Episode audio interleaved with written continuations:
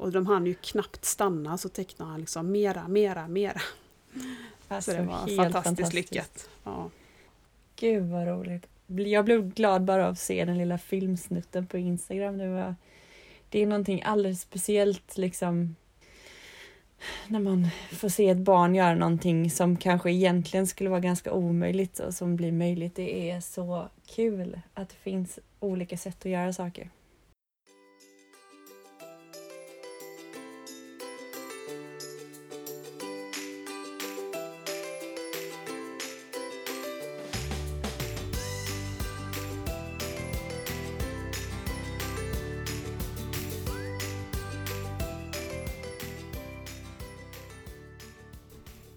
Hej och välkomna till avsnitt 44 av Nordlyckans podd. En podd från en funkismammas perspektiv. Häng på och lär dig mer om funktionsvariationer. Veckans avsnitt sponsras av TFO Sensory.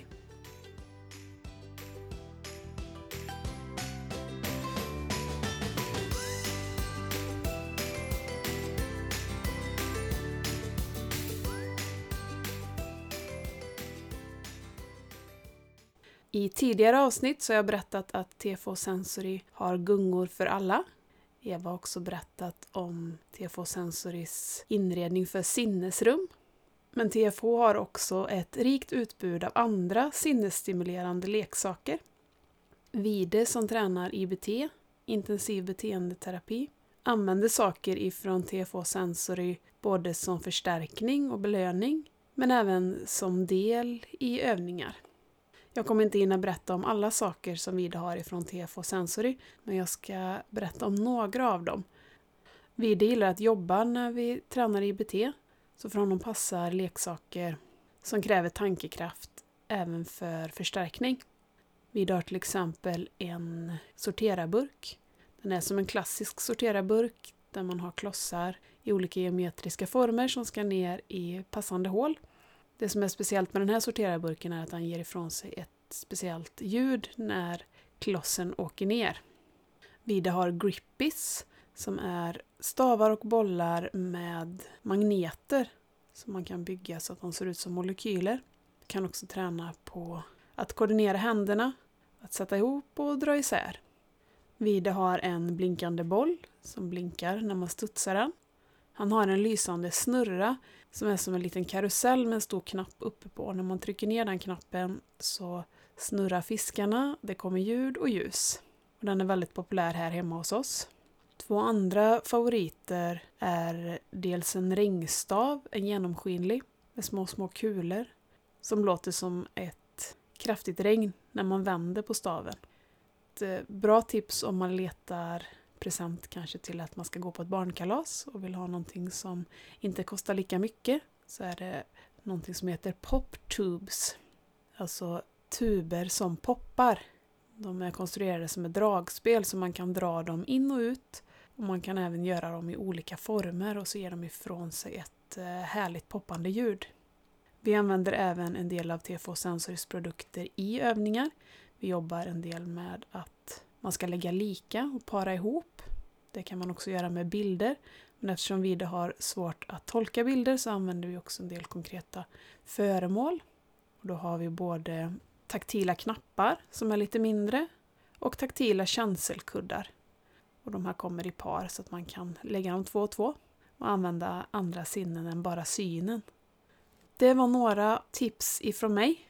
Om ni vill ha fler tips eller om ni vill få chansen att titta på sakerna online så ska ni kontakta Eva på TFH Sensory så hjälper hon er.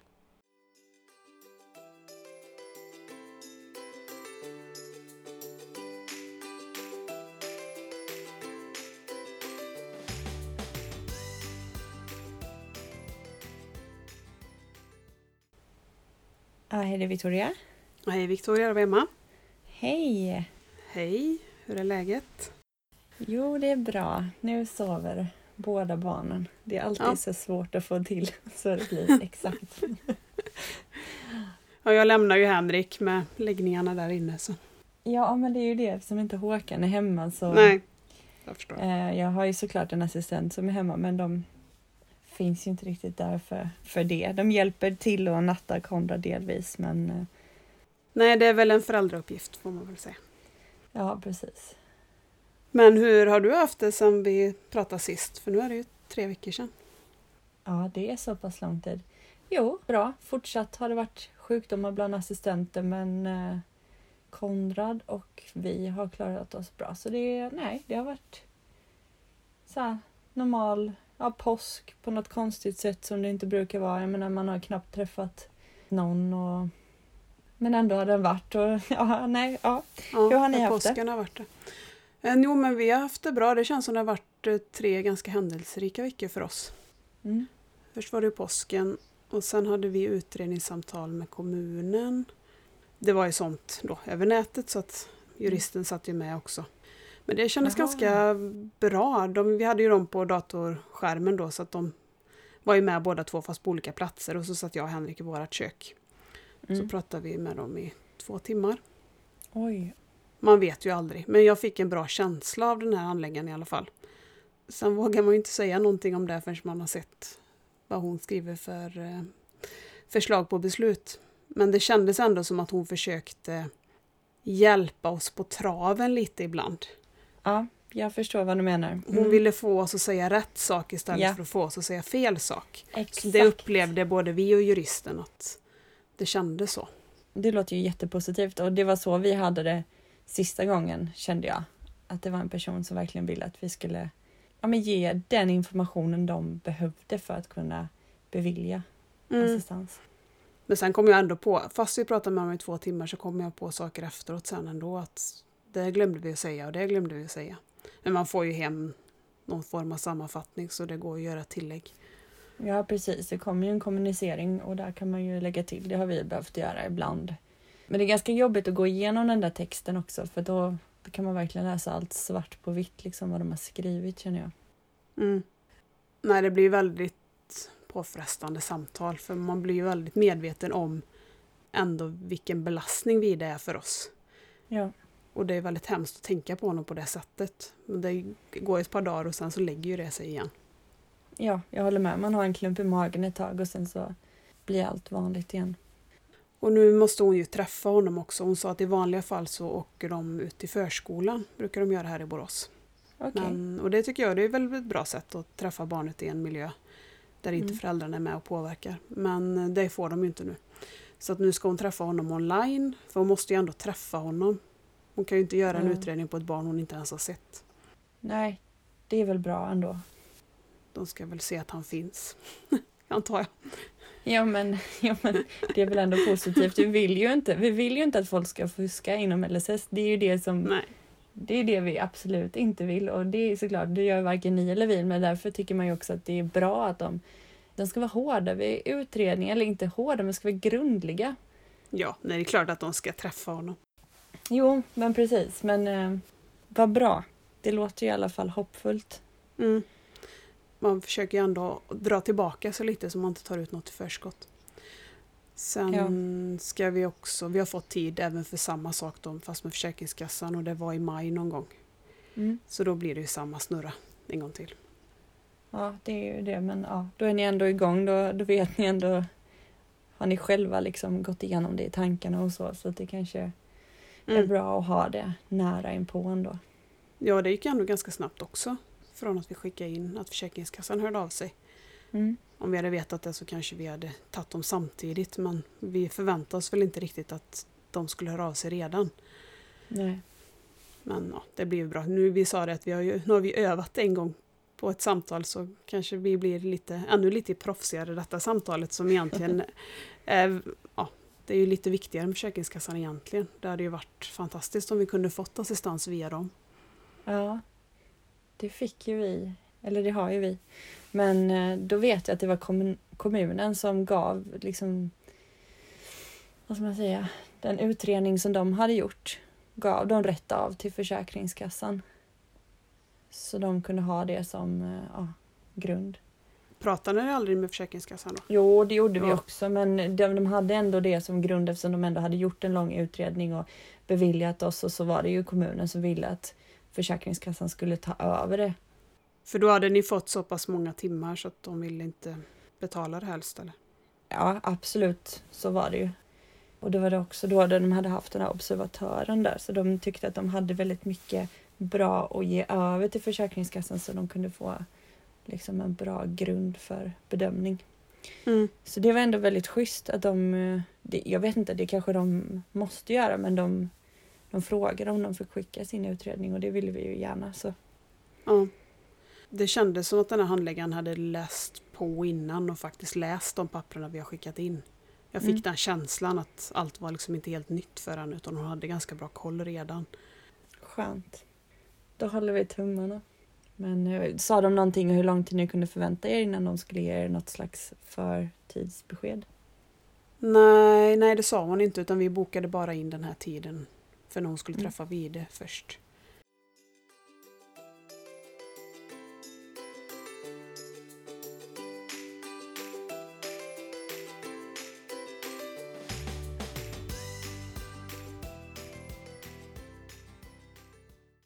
Men sen har ju vi varit på vår första fjällsemester som familj här. Just det. Det blev ju faktiskt väldigt lyckat. Vi är helt sålda på skidåkning hela familjen nu. Var var det ni var någonstans? Säfsen. Och det var ju för att eh, 7H Paralpint hade en klubbresa över helgen. Det blev ju inte så Mm. mycket klubbresa nu på grund av Corona men vi hade ju bokat in oss då på torsdag till söndag men sen kom vi på att bilresa tar ju alltid väldigt lång tid för oss så det blev ju nästan två hela dagar i bilen. Att det hade ju inte blivit så mycket tid i backen särskilt eftersom varken Alve eller Henrik hade stått på ett par skidor innan. Så vi Nej. bokade om det så vi åkte söndag till söndag. Ah, ja, Annars är ju det ett ganska litet ställe men det passar ju oss väldigt bra när man är nybörjare. Absolut. Ja, vi fick också erbjudandet att följa med men eh, vi kände att vi redan hade varit iväg nu vid jul och det passade inte så bra. Ja, det var synd att, eh, att vi inte kunde följa med men eh, hur många familjer var det som åkte? Jag vet faktiskt inte för vi fick ju inte samla oss. Jag ingenting alls. nej. tror att de sa att det var 12 biskis igång. Så att rimligen då om det var 12 familjer. Men jag är lite osäker på det. Jag vet att det var några som hoppade av. Det var fler bokningar från början. Mm. Men det var ju jättefina stugor, såna här skin scout som låg precis vid backen. Kändes som de var helt nybyggda i stort sett. Var de typ rullstolsanpassade och så också eller? Ah, inte den vi hade, men det var ju ramp upp. Men det kan hända att det fanns lägenhet som var det, men vi frågade inte efter det utan vi ville bara Nej. ha på nedervåningen så att vi slapp bära vid det i trapporna. Ja. Men det såg ut som ni inte hade så jättemycket snö eller var det mycket snö i backarna och inte så mycket i själva... Nej, runt omkring var det ju typ som vi har här hemma, att det var barmark. Det kom snö vid några tillfällen men det smälte ju bort igen. Men i backarna, de hade väl öppet ja, men 80 procent av backarna kanske. Inte de Jaha. allra brantaste men de åkte ju inte vi ändå. Nej. Så det var bra snöläge i pisterna men inte runt omkring då. Och vi hade ju sån himla tur med vädret också. Det har ju varit sol Jag fem, fem av sju dagar typ eller något sånt. Vi har ju typ bränt oss nästan i ansiktena. Ja, det är ju väldigt stark sol när det reflekteras mot snön också. Men nej, det såg riktigt härligt ut. Jag blev avundsjuk och det var väldigt kul att se att Vide åkte bikeski. Mm. Ja, han fick faktiskt prova vanliga skidor också. Två dagar på raken så satte vi på en pjäxor och så fick han åka upp på, liksom på slätten, inte i backen. Mm. Men han tyckte faktiskt att det var ganska roligt. Han skrattade lite grann och så. Men dag nummer två då var det lite mer att det blev ett krav. Mm. Då gnällde han lite så att vi provade inte en tredje dag utan vi kände att nu har han fått testa två gånger och det har varit ganska lyckat. Och då får man nöja sig där. Vi vet ju med honom att om man kliver över gränsen så kan det bli skrik. Men han åkte sånt där rullband. Han är ju väldigt fascinerad av rulltrappor och det här var ju samma koncept. Så att, eh, vissa dagar vill han stå längst upp och bara titta och vissa dagar så vill han gå ner och åka upp då. Fram och tillbaka, fram och tillbaka. Så han var ju ändå ganska nöjd.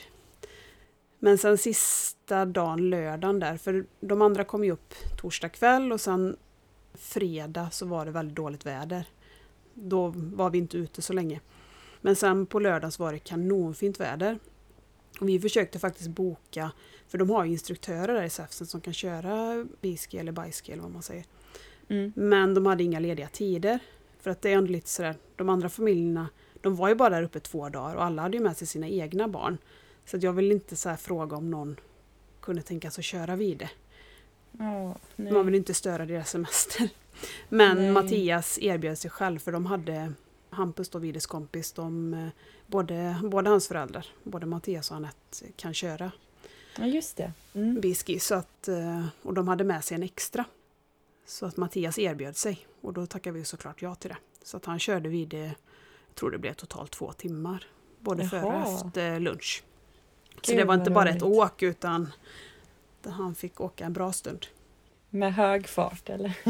Ja, han är ju duktig att köra Mattias. Så Ja, det, det gick fort. Och det gillar Vide väl också? Ja, ja, han älskar ju det. Mm. Nej, vi trodde ju att han skulle gilla det men så sk- ska man ju ner i den där, det är ju Mm. lite trångt. Och så skulle han ju ha hjälm på sig och det gillar han ju inte. Så att Mm. han fick ju, började ju då, han fick ju ett litet eh, sammanbrott eller vad man ska kalla det. Jag tror Mattias blev lite svettig att usch, ska jag ha med mig upp hon, honom i liften här nu när han skriker? Men jag Mm. tänkte att det, det går nog bra, ni bara kommer igång. Och det hade det ju gjort. Han hade blivit glad redan i liften och sen att han skrattar, man ser ju, han har ju ett visst eh, viftande när han är glad. Så att Ja. jag såg ju redan liksom när de kom uppifrån att han tyckte att det var roligt. Och de hann ju knappt stanna så tecknade han liksom mera, mera, mera. Alltså, Så det var helt fantastiskt, fantastiskt. lyckat. Ja. Gud vad roligt. Jag blev glad bara av att se den lilla filmsnutten på Instagram. Det, var, det är någonting alldeles speciellt liksom när man får se ett barn göra någonting som kanske egentligen skulle vara ganska omöjligt och som blir möjligt. Det är så kul att det finns olika sätt att göra saker. Håkan har ju lärt sig och tagit sånt cert, eller vad man säger. I alla Okej. fall få köra med Konrad. Så de två kör ju när vi är uppe. Det- Ja, jag stod verkligen och storgrät av lycka första gången jag såg Konrad åka. Och han var också sådär så sjukt nöjd och så glad och lycklig så det... Ja, det är kul. Mm. Hur har ni gjort då? Har ni hyrt? Ja, första gången så hyrde vi på plats. Men då bodde vi i Lindvallen och så fick man bara hyra i Hundfjället och bara över dagen och man fick inte ta med sig den så det blev liksom inte så himla bra. Men då skulle Håkan ändå gå på lektioner och lära sig åka så det fick bli så. Så nu när vi var där i julas så hyrde vi från eh, Mattias där, eh, vad heter det? 7H paralpint. Exakt. För vi är också medlemmar där, så då hyrde vi en. Men eh, nu har vi bestämt att vi ska köpa en egen faktiskt. De är ju ganska dyra men de håller, alltså ska kunna funka i väldigt många år. Man kan byta ut delar vad jag förstått och så. Så att vi ska köpa en egen. Så Mm. att man verkligen kan vara så helt fri liksom och anpassa den så att den verkligen funkar för just Konrad. Ja. Hampus hade nog en egen, antar jag. Vi Mm. har ju ändå lite lyxigt att vi har ju så pass nära till den här föreningen så att det är inte så krångligt för oss att hyra därifrån. Om vi nu lär oss att köra. Nej, vi fick ju åka upp till Göteborg och sen så, jag menar vi bor i Halmstad då, så det är en och en halv timme och sen så tillbaka ner för vi var tvungna att packa ner det här liksom inte ta med barnen på det. Och sen så när vi skulle lämna den så var det i samma vända och så, så det blev kanske lite, det var Mm, jätte, det jättebra att man kunde göra det men det blev lite avancerat. Vi hade faktiskt en assistent som, som åkte och hämtade den och sen fick Håkan lämna den. Så det, det var lite för mycket men, men jätte, jättebra att man kan hyra det och jag tycker bara det känns så fantastiskt för Håkan och jag är personer som har åkt skidor i hela livet sedan vi var små. Och på något sätt när, när Konrad liksom föddes och sen när man märkte vilka hinder han hade i sin rörelseförmåga då, då kände jag direkt att nej, vi kommer inte kunna åka på skidresa och, och alltså det var väldigt mycket sådär jobbiga grejer som kom som vi inte skulle kunna göra. Och nu så kan vi göra det och han kan vara med i backen Mm. när man kommer på de där grejerna att man kan faktiskt göra på ett annat sätt och det blir jättebra ändå. Ja. Men vi har ju skjutit lite på fjällsemester bara för att det har varit väldigt svårt med de här bilresorna med Vide. Mm. Men det går faktiskt bättre. Och så nu är ju Alve också lite större så att han behöver ju inte någon hjälp. Det blir lite lättare för oss än om man ska rodda tre barn samtidigt. Ja, det förstår jag. Så Alve gick på skidskola Men han har ju väldigt svårt för att vi ger honom instruktioner. Det är ju helt hopplöst.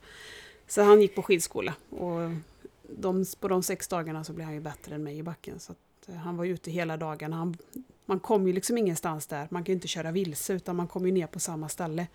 Så Ja. han, efter några dagar så vågade han gå ut på morgonen själva. Eller själv.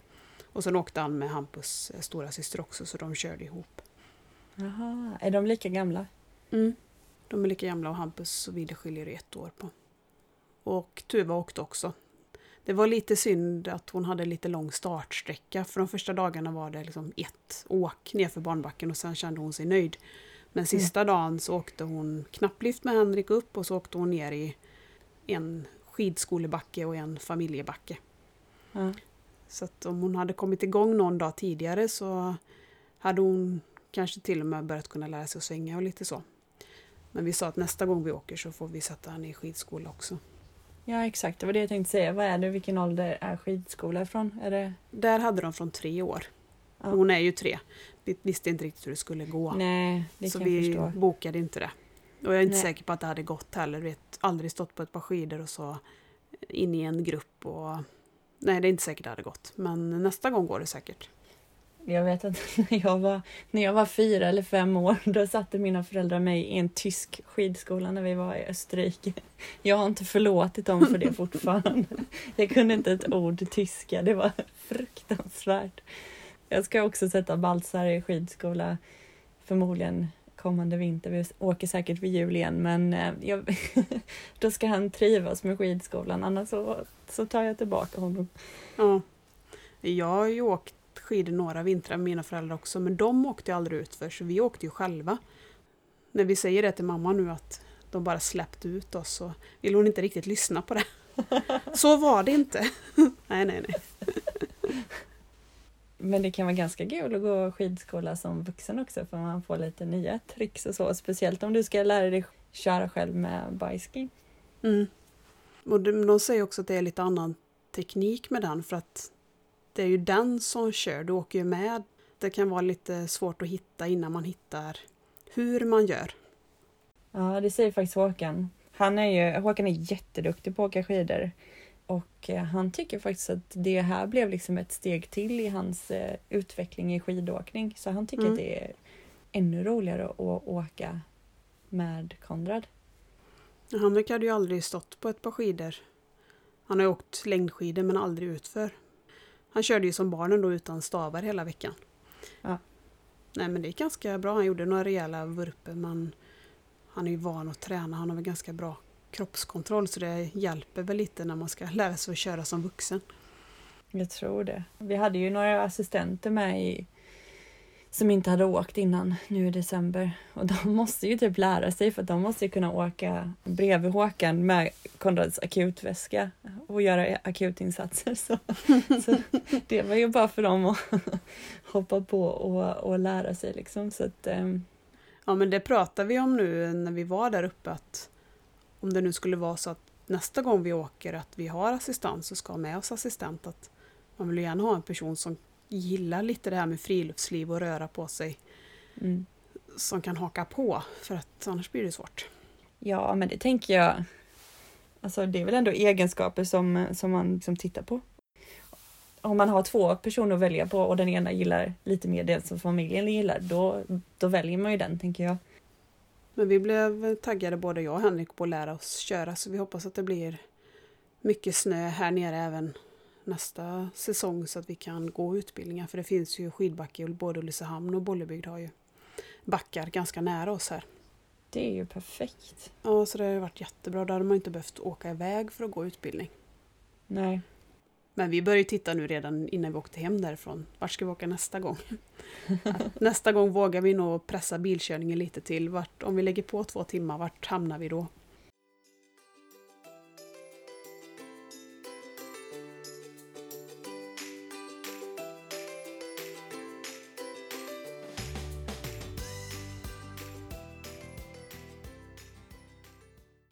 Men vi har ju faktiskt också haft jättestora problem, eller har fortfarande ganska stora problem med Konrad i bilen. När vi åkte upp förra året till Lindvallen då i Sälen, då sov vi över en natt på hotell. För att det Mm. inte skulle bli för långt. Så vi räknade med, ja nu kanske jag säger lite fel, någon får räkna om de vill, men alltså det var typ att det skulle vara ungefär runt tre timmar, tre och en halv per Mm. bit då, så man kunde dela upp det. Så att det var ändå väldigt bra för oss för att vi måste ju kolla medicin om han ska åka långt i bilen. Han behöver liksom avslappnande medicin för att det ska funka. Så att, men i år gick det i alla fall ändå, så att vi behövde inte bo på hotell emellan. Det var lite jobbigt framåt slutet, men det gick. Mm. Så jag tänker att eh, det är nog många funkisfamiljer som har problem med bilen. Liksom. Alltså, men det brukar nog bli bättre med åren.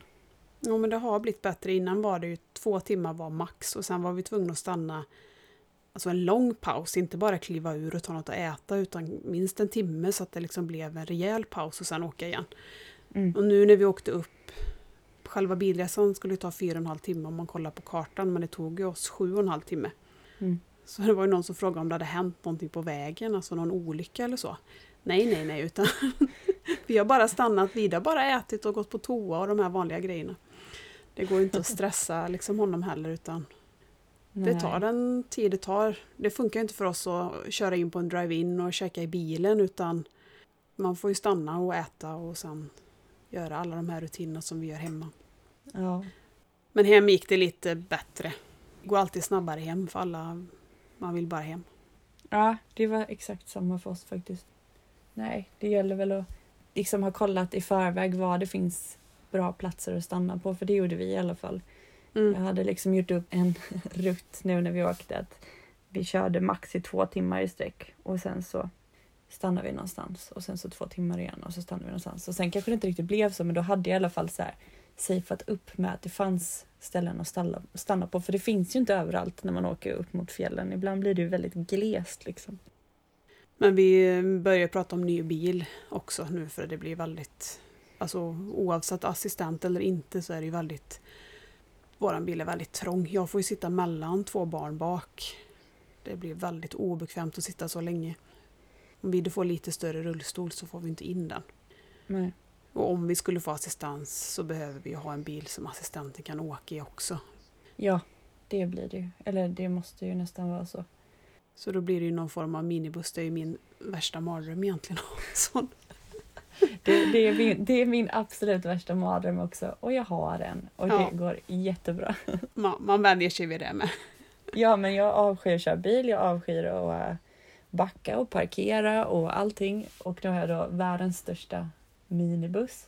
Som sagt, man lär ju sig och eh, det är ändå väldigt eh, bra och bekvämt. Det hade säkert varit bra även om man vore en helt vanlig barnfamilj, men för oss är det helt nödvändigt. Speciellt vi har ju två stycken vuxna plus oss då som ska åka med varje gång. Så.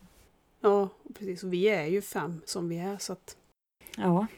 Det har jag faktiskt räknat på om vi ville skaffa ett barn till vad exakt jag ska placera det barnet trots att vi har en minibuss liksom.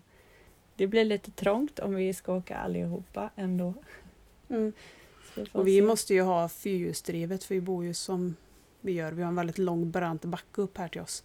Så då blir ju utbudet blir nog lite mindre. Men Henrik har faktiskt börjat titta. Han sköter ju det här med bilarna. Men du, det där kan vi allt om för vi bor uppe på ett berg så vi behöver också fyrhjulsdrift. Så Håkan och Henrik kan prata ihop sig där. För Ja. att, eh, Och vad har, vet du vad ni har för bil? ja, eller ja, vi har en multivan, en Volkswagen. Det vet jag. Ja, det låter bekant. Det kan ha varit dem Henrik pratade om. Det är inte jättemånga som är fyrhjulsdrivna så att, Nej, det finns kanske inte så många alternativ. nej. Och sen måste det ju vara stort bagage också. För som jag förstod det på Henrik så är vissa sjusitsiga. Men då sitter ju två säten i bagageutrymmet. Mm, precis. Nej men den här har ju hyfsat stort bagage. Sen kan det ju klart bli ännu större om man skulle ta bort soffan där bak. Men det gör vi inte. Men ja, vi får ju plats med rullstol och vagn och sådär där bak. Så att Mm. det går ju bra. Och sen har vi en gigantisk takbox på det också. För att, Ja, vi lånade takbox nu av kompisar. Men vi sa att nu var det nog sista gången vi kunde med och låna den. Nu får vi nog köpa en själva. vi kör ju även med ett stort släp. Ja, när ni ska Eh, inte till vardags. Ja. Ja.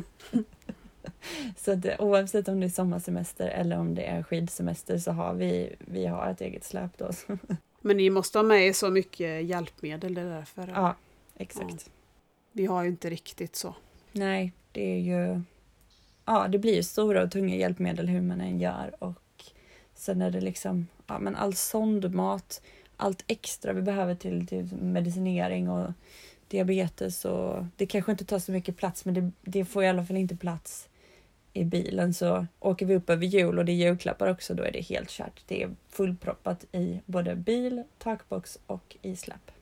Vi har ju bara med oss rullstolen egentligen men om vi nu pratar skidsemester och man ska hyra någon biski också så mm. då tar ju den plats. Man kanske ändå vill ha med sig rullstolen också. Annars blir man ju väldigt låst. Ja, speciellt om det då är som nu att ni hade inte så mycket snö på backen. Då vill man ju kunna kunna. Men vi tar ju med arbetsstol också. Alltså vi har ju med toastol och arbetsstol och det, ja, det är så mycket. Mm. Så jag vet inte hur vi ska göra när vi reser utomlands någon gång. Det hoppas jag att Nej. vi ska kunna göra. Men det är många grejer som inte går att prioritera bort liksom. Nej, vi har ju tur på det sättet att vi sitter så stadigt. Mm. Förra året hade vi med oss upphöjning till, alltså som till en vanlig stol. Vi hade inte med oss det nu, det är ju på gränsen om han hade behövt det eller inte. För han, lilla syster satte ju sig alltid på knä. Men det kan ju inte han. Nej. Men det funkade gjorde det. Och sen på toan, han är så modig nu så att om vi bara står precis jämte så vågar han sitta på en sån här IKEA ring, en sån här helt vanlig, mm. som bara gör att ringen blir smalare. Och så mm. måste han ha någonting på att hålla fötterna på och så får man ju sitta så att han kan hålla i oss då istället för nu fanns det ju ingen handikappanpassning på den här toastolen. Nej, klart. Så som vi har hemma. Vad kul, vad skönt. Det där blir en utmaning för oss men det är inte ens värt att tänka på nu i coronatider så vi får väl se hur det blir. Det finns ju många som reser så jag antar att det går att lösa på något sätt.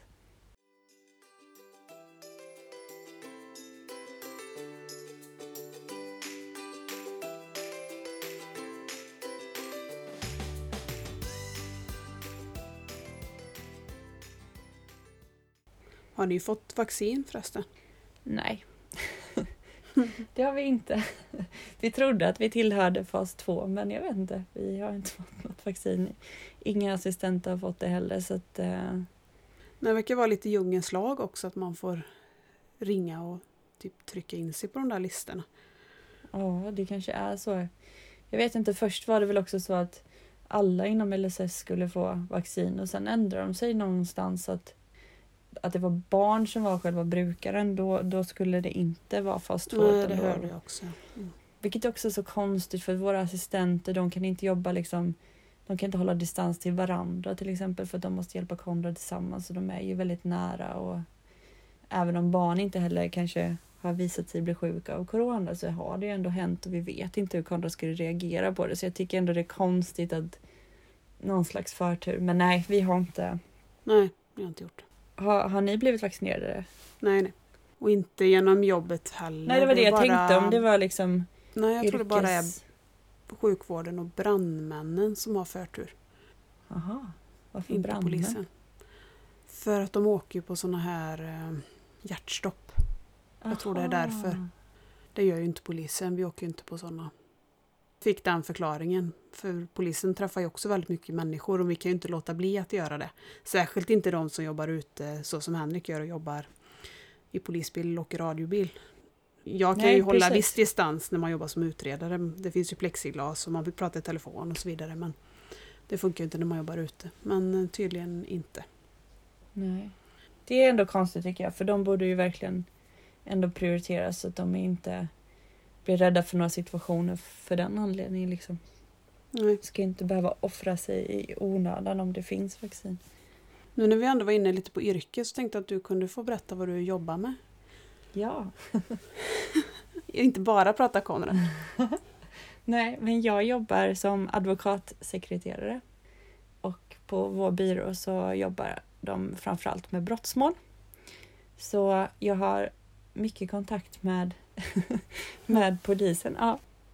Min pappa är faktiskt en av eh, advokaterna på byrån och det var väl därför jag började där. Jag har egentligen en helt annan karriär inom eh, hotell och turism. Det var det jag pluggade efter gymnasiet men i dagsläget kan inte jag se att det finns någon möjlighet för mig att jobba inom det fast jag älskar det så eh, då fick jag chansen att börja jobba på min pappas advokatbyrå och jag tycker faktiskt att det är jätteroligt. Vi pratade ju det om det någon dag, eller du frågade så här om jag träffat ja, men dryga advokater eller försvarare. och det har man gjort några. Men jag Ja. tänker att det är också en roll på samma sätt som jag också spelar en roll när man är polis. Det är ju kanske inte så som de är som privatperson. Man får hålla isär det lite. Så är det klart, absolut.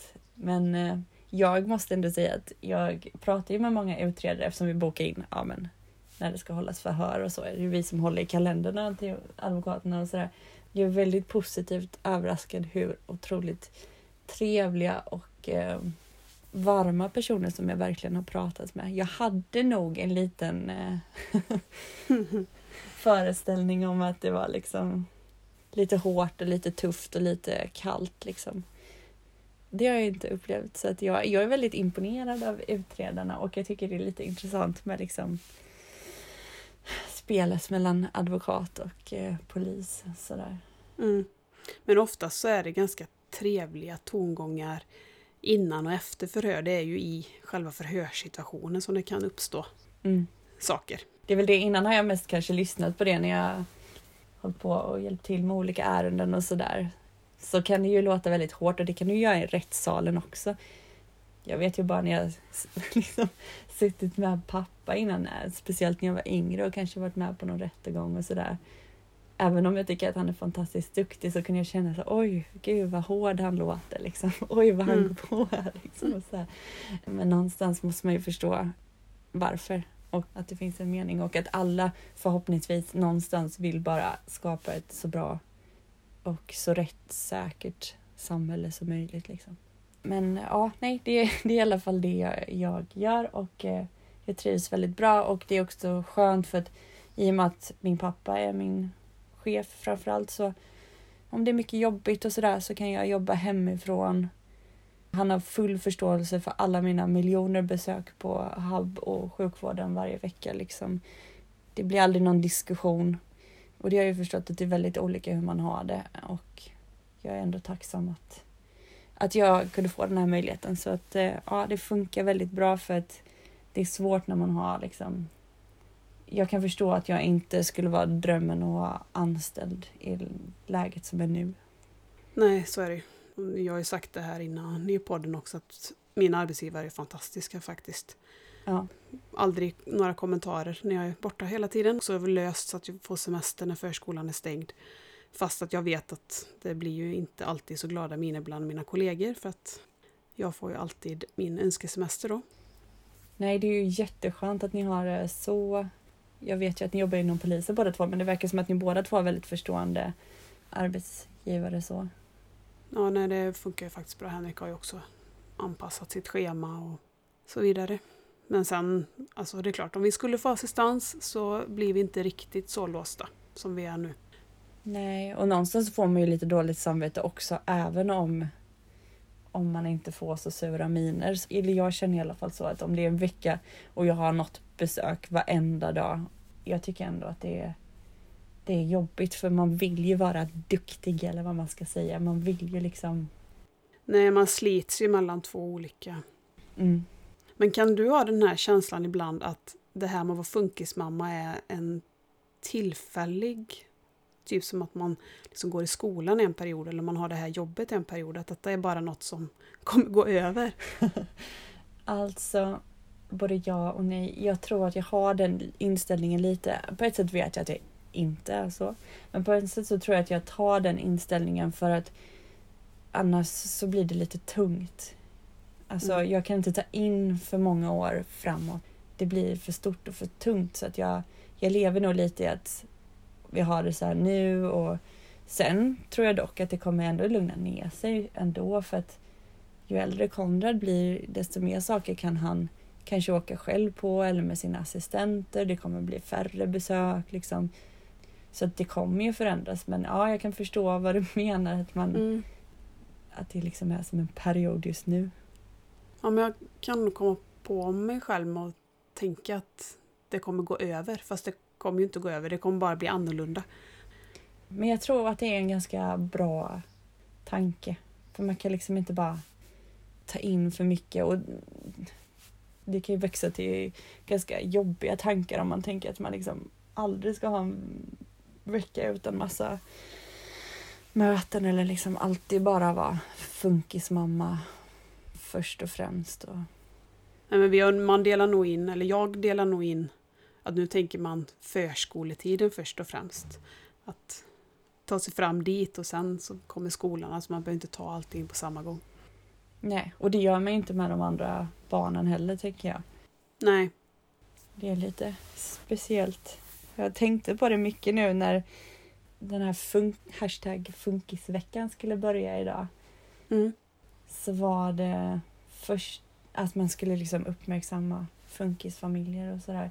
Så var första inlägget att det skulle handla om funkis. Jag kom inte på någonting att skriva eller ta kort på eller någonting. Jag blev helt eh, blockad liksom. Jag vet inte riktigt varför. Jag liksom försökte kolla vad andra hade lagt ut för inlägg och sådär. Men eh, jag vet inte, jag tror att... Jag vet inte ens hur jag kom dit, men jag, jag tror att jag tänker mig som en funkismamma. Men Konrad är inte funkis, utan vi är liksom funkis tillsammans på något vis. Förstår mm. du vad jag menar? Ja. Jag tänker liksom att vi har ett, liv som är annorlunda. Men liksom, jag vill inte sätta den benämningen på Konrad, utan det är mer som oss som familj. Och jag, jag hade så svårt att, att skriva om det. Um, så tänkte jag på att du i dina kläder och tryck och sådär har skrivit just funkis och då tänkte jag faktiskt att jag skulle fråga dig vad du tänkte, liksom vad du tar in i ordet funkis. Ja, men jag tänker på communityn. Mm. För det är det som är tanken med de här kläderna och med den här stjärnan. Det är min idé utan det var ju en följare som tyckte att det var så bra med stjärnan för att den spretar åt alla håll. Dels betydelse av en stjärna, att vara en stjärna, men även mm. att den har ju olika riktningar. Så jag mm. tänker inte funktionsnedsättning eller funktionsvariation när jag hör ordet funkis, utan jag tänker på den här funkisvärlden. Det är det symboliserar för mig just det ordet. Men det är nog lite samma sak som jag känner, för jag skulle inte säga att Konrad är funkis. Eller liksom, förstår Mer som ett lag, att ja. vi är funkislaget. Inte att vi det är funkis. Jag tänker nog samma. Ja, det är ändå lite intressant för att det är ändå ett ord som, som jag typ använder själv men samtidigt som jag väl skulle skriva ner det så vet jag inte riktigt vad jag ska skriva men jag kom i alla fall på att det är inte Konrad som är funkis utan vi lever funkis på något sätt. Mm. Nej, för med de här kläderna så vet jag att en del har känt ett visst motstånd mot det här. Inte stjärnan men själva ordet. Men jag tänker att det är det som är poängen lite. Ja. Mm. Att det ska stå så starkt, liksom vitt mot svart bakgrund. Men exakt. Och det var därför jag inte beställde från början för jag kände så här, hmm, vad, vad känner jag? Mm. Vad känner jag i ordet funkis liksom? Det är positivt men ändå, alltså liksom och sen så, så skrev jag ju till dig för några veckor sedan, oh, har du några kläder kvar? För då hade det liksom landat i att jo, det här vill jag sprida. Jag vill liksom att det ska vara något positivt och att det här vill jag ha. Nej, men det skaver lite, men det är ju det man vill motverka. Det ska inte behöva skava. Det är så tänker jag. Ja, men exakt. Ja, nej, jag tycker att det är fint och bra och eh, jag vill också köpa. ja, det kommer en ny möjlighet nu. Jag ska ta upp beställningar nu i april här. Mm. Spännande.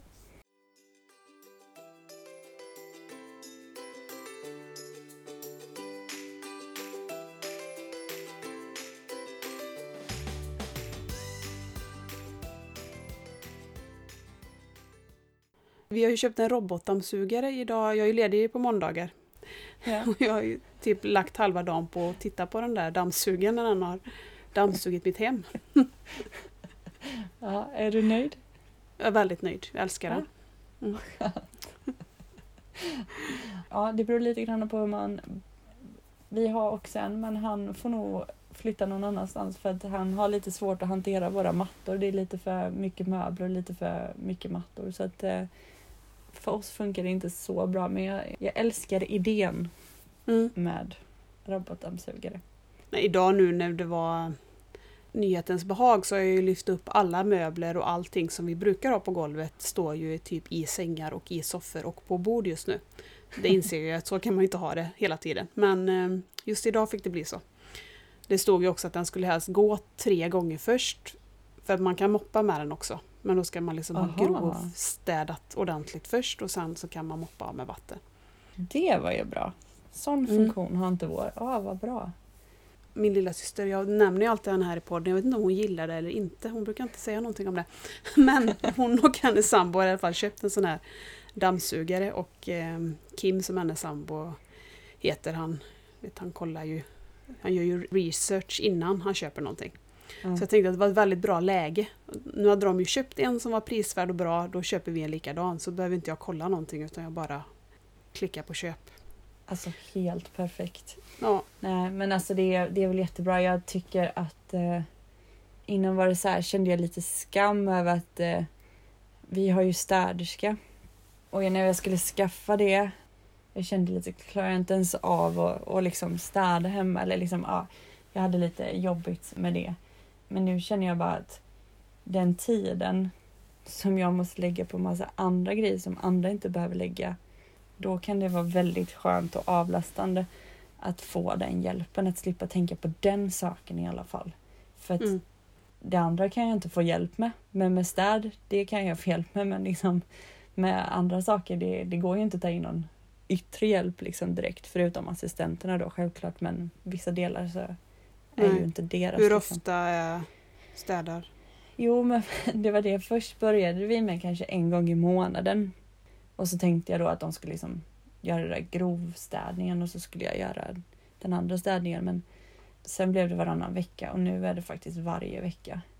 Och det bestämde vi när Håkan skulle börja jobba i Stockholm på vardagarna så bestämde vi att den delen av städning plockar vi bort från mig. Annars hade det väl blivit att det var det vi fick göra på helgen och klart att inte alla har möjlighet att ha städerska, det förstår jag ju såklart. Men, men när vi hade den möjligheten så kände jag ändå att det var väldigt skönt.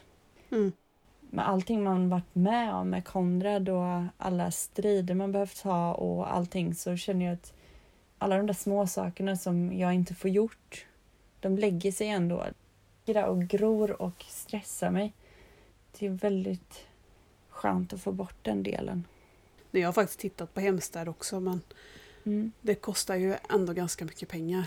Och då var det ju mer prisvärt att köpa en robotdammsugare. Ja, och det kanske, precis, det var, men det var nog vår första tanke för det, den kom ju först. Och sen Ja. så gick inte det så bra i vårt hus, jag vet inte, det passade inte riktigt. Och då, då kom det in, så det var väl vår första Mm. sådär, lösning. Tänk om vi hade blivit, fått beviljat hemtjänst istället. Alltså de kunde inte erbjuda då att någon tar vid det men de kan erbjuda att någon kommer hem till oss och Mm. tvättar och städar. Det hade ju hjälpt, inte lika mycket men det hade ju hjälpt också. Ja, För att det är ju de sakerna vi inte hinner nu, det är ju därför som det ofta är ganska smutsigt och stökigt hemma hos oss för att det blir mycket saker som vi prioriterar bort. Ja men exakt och sen så kanske det ändå stressar en för man kanske inte vill bo, alltså man kanske inte vill att det ska se stökigt och, och smutsigt ut liksom. Nej, det är ju inte det man har tänkt sig när man har renoverat ett hus och inrättat att det ska vara. Man vill ju gärna att det ska vara fint. Sen är inte jag pedantisk på något sätt men Nej, inte jag lite låg lägstanivå har det varit hemma hos oss kan man väl säga. Vi har ökat upp det här ett litet snabbt med den här dammsugaren. Ja, men det är en bra början. Nej, men när Konrad var yngre, vi fick ju assistans när han var tre och ett halvt ungefär. Och Konrad har ju så att han, jag har sagt det innan, men han eh, kräks eller mår illa av saker han ser och det är framförallt disk eller om man plockar med saker och sånt. Så att när Konrad var liten var han vaken och jag var själv hemma med honom, vilket jag var för det mesta, så kunde jag inte ens plocka bort frukostdisken eller liksom ställa in i diskmaskinen eller någonting utan att han kräktes. Så det var extremt jobbig tid för att alltså där kan vi snacka lägsta nivå. Det var, jag fick ju bara bita ihop och acceptera det för att jag ville ju inte få honom att liksom kräkas bara för att jag ville få det fint och snyggt. Det var faktiskt en jättejobbig tid att, eh, att verkligen inte kunna ta hand om hem eh, överhuvudtaget. Så man har nästan glömt hur det kunde vara då. Om vårt hem ska bli en arbetsplats. Jag förstår ju att man kan inte ha det städat på samma sätt som vi har när det kommer gäster. När Mm. man har plockat undan varenda pryl, för vi ska ju bo under tiden men man tänker att de, man vill ju att de ska trivas i så fall hemma hos oss. Att det ska Ja. kännas ändå rent. Ja, det är skönt och då vet jag att vi har städerska och då kan jag Mm. skylla på dem om det är dammigt eller någonting. Men jag kan säga i början när vi hade assistans, trots att det var väldigt tufft då, för då var jag ju nyförlöst med lilla Baltzar och ja, han hade kolik och allting. Så det kanske inte var så städat, men jag la väldigt mycket krut på att det inte skulle vara stökigt. Sen kanske det var det ändå, men det var liksom en jättestor stressfaktor. Att, Oj, nu kommer assistenterna. Åh, de kan ju inte ha det så här, så här kan det inte se ut. Så känner jag faktiskt inte alls idag det är inte så att jag inte bryr mig om dem men eh, det är framför allt vårt liv här hemma. Det är framför allt vårt hem och jag tror inte att de misstrivs när det är stö. Alltså jag tror inte att det är... Jag hoppas inte det. Jag menar är det helg och barnen leker och vi leker och det är igång. Alltså det blir ju väldigt stökigt i en barnfamilj på några timmar. Ja, de kanske också trivs bättre om det är lite stökigt, att man får plocka fram en pryl och att det inte känns som att Ja. man stökar till för att man råkar ta fram någonting heller. Men det finns ju ändå en gräns för hur smutsigt det kan vara på golvet. Ja men exakt. Så då, då har ni en lösning och vi en lösning på den saken. Men jag har inte fått mycket annat gjort idag för att den ska ju egentligen göra det då som jag kanske borde gjort idag men jag har mest tittat på den.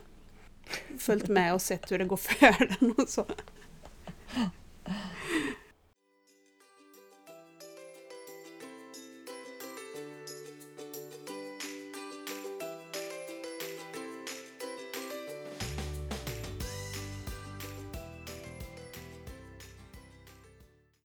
Du, jag hade ju lovat att vi skulle prata om det här som vi har undvikit nu. Vi skulle ju prata om döden idag.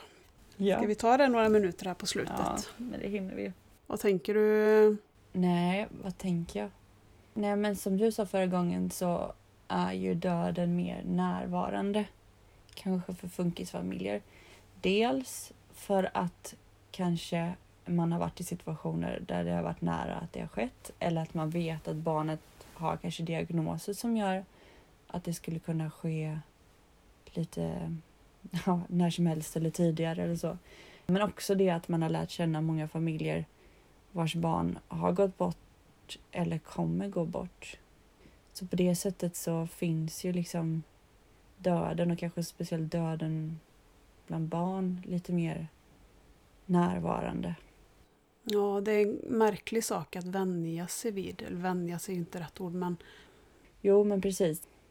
Nu har det ju hänt nyligen är det ju i alla fall två nära mammor som jag har haft kontakt med på framförallt sociala medier. Lite träffat den ena mamman också på olika ställen och sådär där barnen har gått bort och det hade berört oavsett vilket barn det var men jag vet inte, det blir så, det blir så nära, det blir så det blir som att vi eh, funkisföräldrar också blir någon slags extra familj eller någon extra team liksom och eh, det gör så ont att se det och eh, man känner sig så maktlös och samtidigt blir jag väldigt rädd för egen del. Mer liksom väldigt eh, tacksam över att allting än så länge har gått så bra som det ändå har gått. Mm. Och Men det känner jag väl ungefär samma för Vida är ju inte så påverkad av sin sjukdom. Men inte kanske så mycket den svenska, men framförallt den internationella är det ju regelbundet inlägg där barn har gått bort. Inte Mm. kanske exakt med den varianten som Vida har, men jag har svårt att läsa de där inläggen. Jag ser ju dem, men det är inte så att jag grottar in mig i dem. Utan de får liksom passera förbi. Just den varianten Vida har, vad jag vet så finns det ju ingen vuxen person som har den diagnosen. Sen kan det ju finnas vuxna som har den fast de inte, man inte har gjort de testerna. Och Ja. man vet ju inte riktigt prognos. Nej. Hur påverkar det hans kropp? Hur eh, länge orkar hans kropp med den här sjukdomen? Det vet man ju inte. Men just det försöker jag nog inte att tänka på så mycket. Det kommer ju nära en när det går bort barn. Den ena här vars barn gick bort, eh, gick bort liksom i en av de diagnoserna eller sjukdomarna som Konrad har. Han har ju flera stycken. Så jag blir rädd. Jag vet att de har lite olika förutsättningar varför det blev som det blev men ändå så blir det liksom så här att jag kommer på igen hur farliga Konrads diagnoser är. För ibland så, liksom, så blir det inte så tydligt utan visst man ser hans CP-skada, man ser kräkningarna som är farliga och så men hans hydrocefalus eller hans epilepsi kanske liksom det är liksom inte märkbart hela tiden så att man inte för, tänker inte så mycket på det men ja, ibland blir jag rädd och liksom, ja, man kommer så till tankar som man inte ens vågar riktigt ha i sitt huvud och vet inte riktigt heller kanske vad man ska kunna prata om dem någonstans liksom. Nej. Det känns så förbjud, lite förbjudet att tänka hur, hur det ska gå eller hur, hur länge. Och, och så finns det inga svar liksom för både Vide och Konrad med sina speciella diagnoser och kombinationer så, så finns det liksom kanske inte någon precis handbok för hur det brukar gå och dessutom så är det helt omöjligt att säga för att för varje år som kommer så är det ju nya upptäckter inom medicin och jag menar diabetes mm. eller epilepsi. Alltså det kommer nya grejer och behandlingar och kunskap hela tiden så att eh, jag går inte runt och är rädd men det blir ju väldigt närvarande ibland och ibland så tror jag att folk tycker väldigt synd om en för att det har gått som det har gått med Konrad medan jag är så otroligt tacksam ändå att han lever för det är många gånger som det hade kunnat bli precis tvärtom. Mm. Och det tror jag ändå att jag hela tiden ändå är medveten om att jag är väldigt jag är inte ledsen och bitter över att Konrad ändå fick de här liksom, hjärnskadorna som man kanske kunde sluppit om vården hade lyssnat för att jag ändå är så himla glad samtidigt över att han lever. Och i vårat fall tror jag inte att vi förstod under Vides spädbarnstid och så att, att han kunde ju faktiskt ha blivit mycket, mycket sämre. Mm. Inte kunnat äta och inte kunnat andas och det hade ju kunnat hända massa saker med den här låga muskeltonusen som man har. Ja, som vi inte var kanske medvetna om, som man nästan blir lite rädd i efterhand. Ja. Hur det kunde ha varit. Så. Men jag ja. går ju alltid in till Vide, han sover ju i rummet jämte oss, men jag går ju alltid in till honom innan vi ska gå och lägga oss. Typ som man gjorde med de andra barnen när de var bebisar och kollar att han andas. Ja. Det ligger nog ändå en liten sån här oro bak, för jag gör ju det på rutin. Men jag går ju inte upp och kollar så att Alva andas i sin säng. Ja, det känner jag verkligen igen att jag gjorde. Nu gör jag ju inte det för nu har vi ju en assistent som sitter och tittar på honom när han sover. Liksom. Så att jag räknar med att de har koll på det. Men det mm. där känner jag ändå igen. Och det vet jag att de gör. Liksom, om de tycker att han andas för tyst så tar de liksom, tar fram någonting för att se så att han verkligen andas. Och så där. Så man har nog med det att att det ändå är lite speciellt. Det är tufft. Jag tror inte man ska... Det finns ju där, det kommer, man blir påmind men man får nog försöka att inte gå in i det för mycket.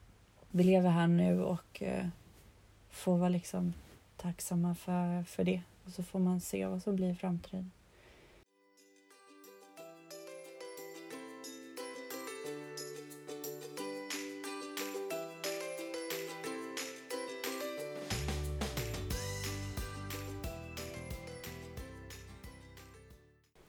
Ska vi stanna där? Det blev både högt och eh, lite lågt idag. ja. Men man måste våga beröra alla ämnen också, tänker jag. Ja, men absolut. Tack så jättemycket för idag. Han har inte hunnit vakna. Alltså jag är väldigt imponerad att jag kunde sitta här. Han kanske känner det, att nu får jag sova. Och eh, nu ska jag äta mitt kvällsmål för jag har ju börjat med träning och diet. Så att, mm. Ja, vad hette det? Weekly Revolt eller? Ja, exakt. Mm. Det blir spännande. Ja, Se min roligt. förvandling. jag gillar också sådana där projekt, men eh, jag avvaktar alla projekt tills vi har fått ett assistansbeslut. Det känns lite som att man står och väger lite här nu. Hur blir resten av året? det förstår jag verkligen. Nej, men, men det var roligt här för jag vet att det är flera funkisföräldrar som är med Mm. i den här omgången. Och då är det lite så här, du vet, alla andra drar sig för, eller många drar sig för att träna och kan skylla på allt möjligt och så ser man så här, okej, här är de som kanske har minst tid av alla. Så bara löser de det. Jag blir lite stolt över funkisföräldrarna. Ja, jätteroligt. Och nu när vi har varit iväg så har jag lyckats träna ganska mycket. Men Ja. jag tränar ju varje vecka men inte så mycket som jag hade önskat. Nej. Men kan du träna på jobbet? Ja, vi har ett gym. Just nu tror jag det är avstängt. Jag tränar aldrig där för det är så tråkigt det gymmet. Men vi har ju ett gym hemma. Ja, jo. Så att jag eh, tränar ganska ofta då på morgonen. Alltså jag går upp lite tidigare och så tränar jag hemma och duschar hemma och käkar frukost och så åker till jobbet sen. Eller nu då när man jobbar hemma så kan man ju träna mitt på dagen också. Ja, nej men det är skönt och det ger ju liksom någon slags energi och eh, som man behöver. Och, Mm. ja, jag önskar att liksom habiliteringen eller någonting bara kunde eh, hjälpa fler funkisföräldrar att komma igång för att vi bär på kanske lite mer. Det är jobbigt att vara småbarnsförälder generellt men vi bär ju på liksom lite mer kanske och har lite mer stress och lite mer. Alltså det, det är ju så bra att träna. Jag tänker om de kunde haft yoga eller cirkelträning eller någonting som man kunde vabba och gå på. Det hade varit helt fantastiskt. Ja, exakt. Det hade varit så bra och tänk kanske då samtidigt träffa andra funkisföräldrar. Liksom. Nu ska jag gå in och yoga bara för det, för att du har sagt att jag... Gå och yoga, det har jag aldrig provat. Det får jag nog prova. Ja, Så hörs vi om två veckor igen då. ja, du får ha det så gott. Ja, detsamma. Hejdå. Fint. Hejdå!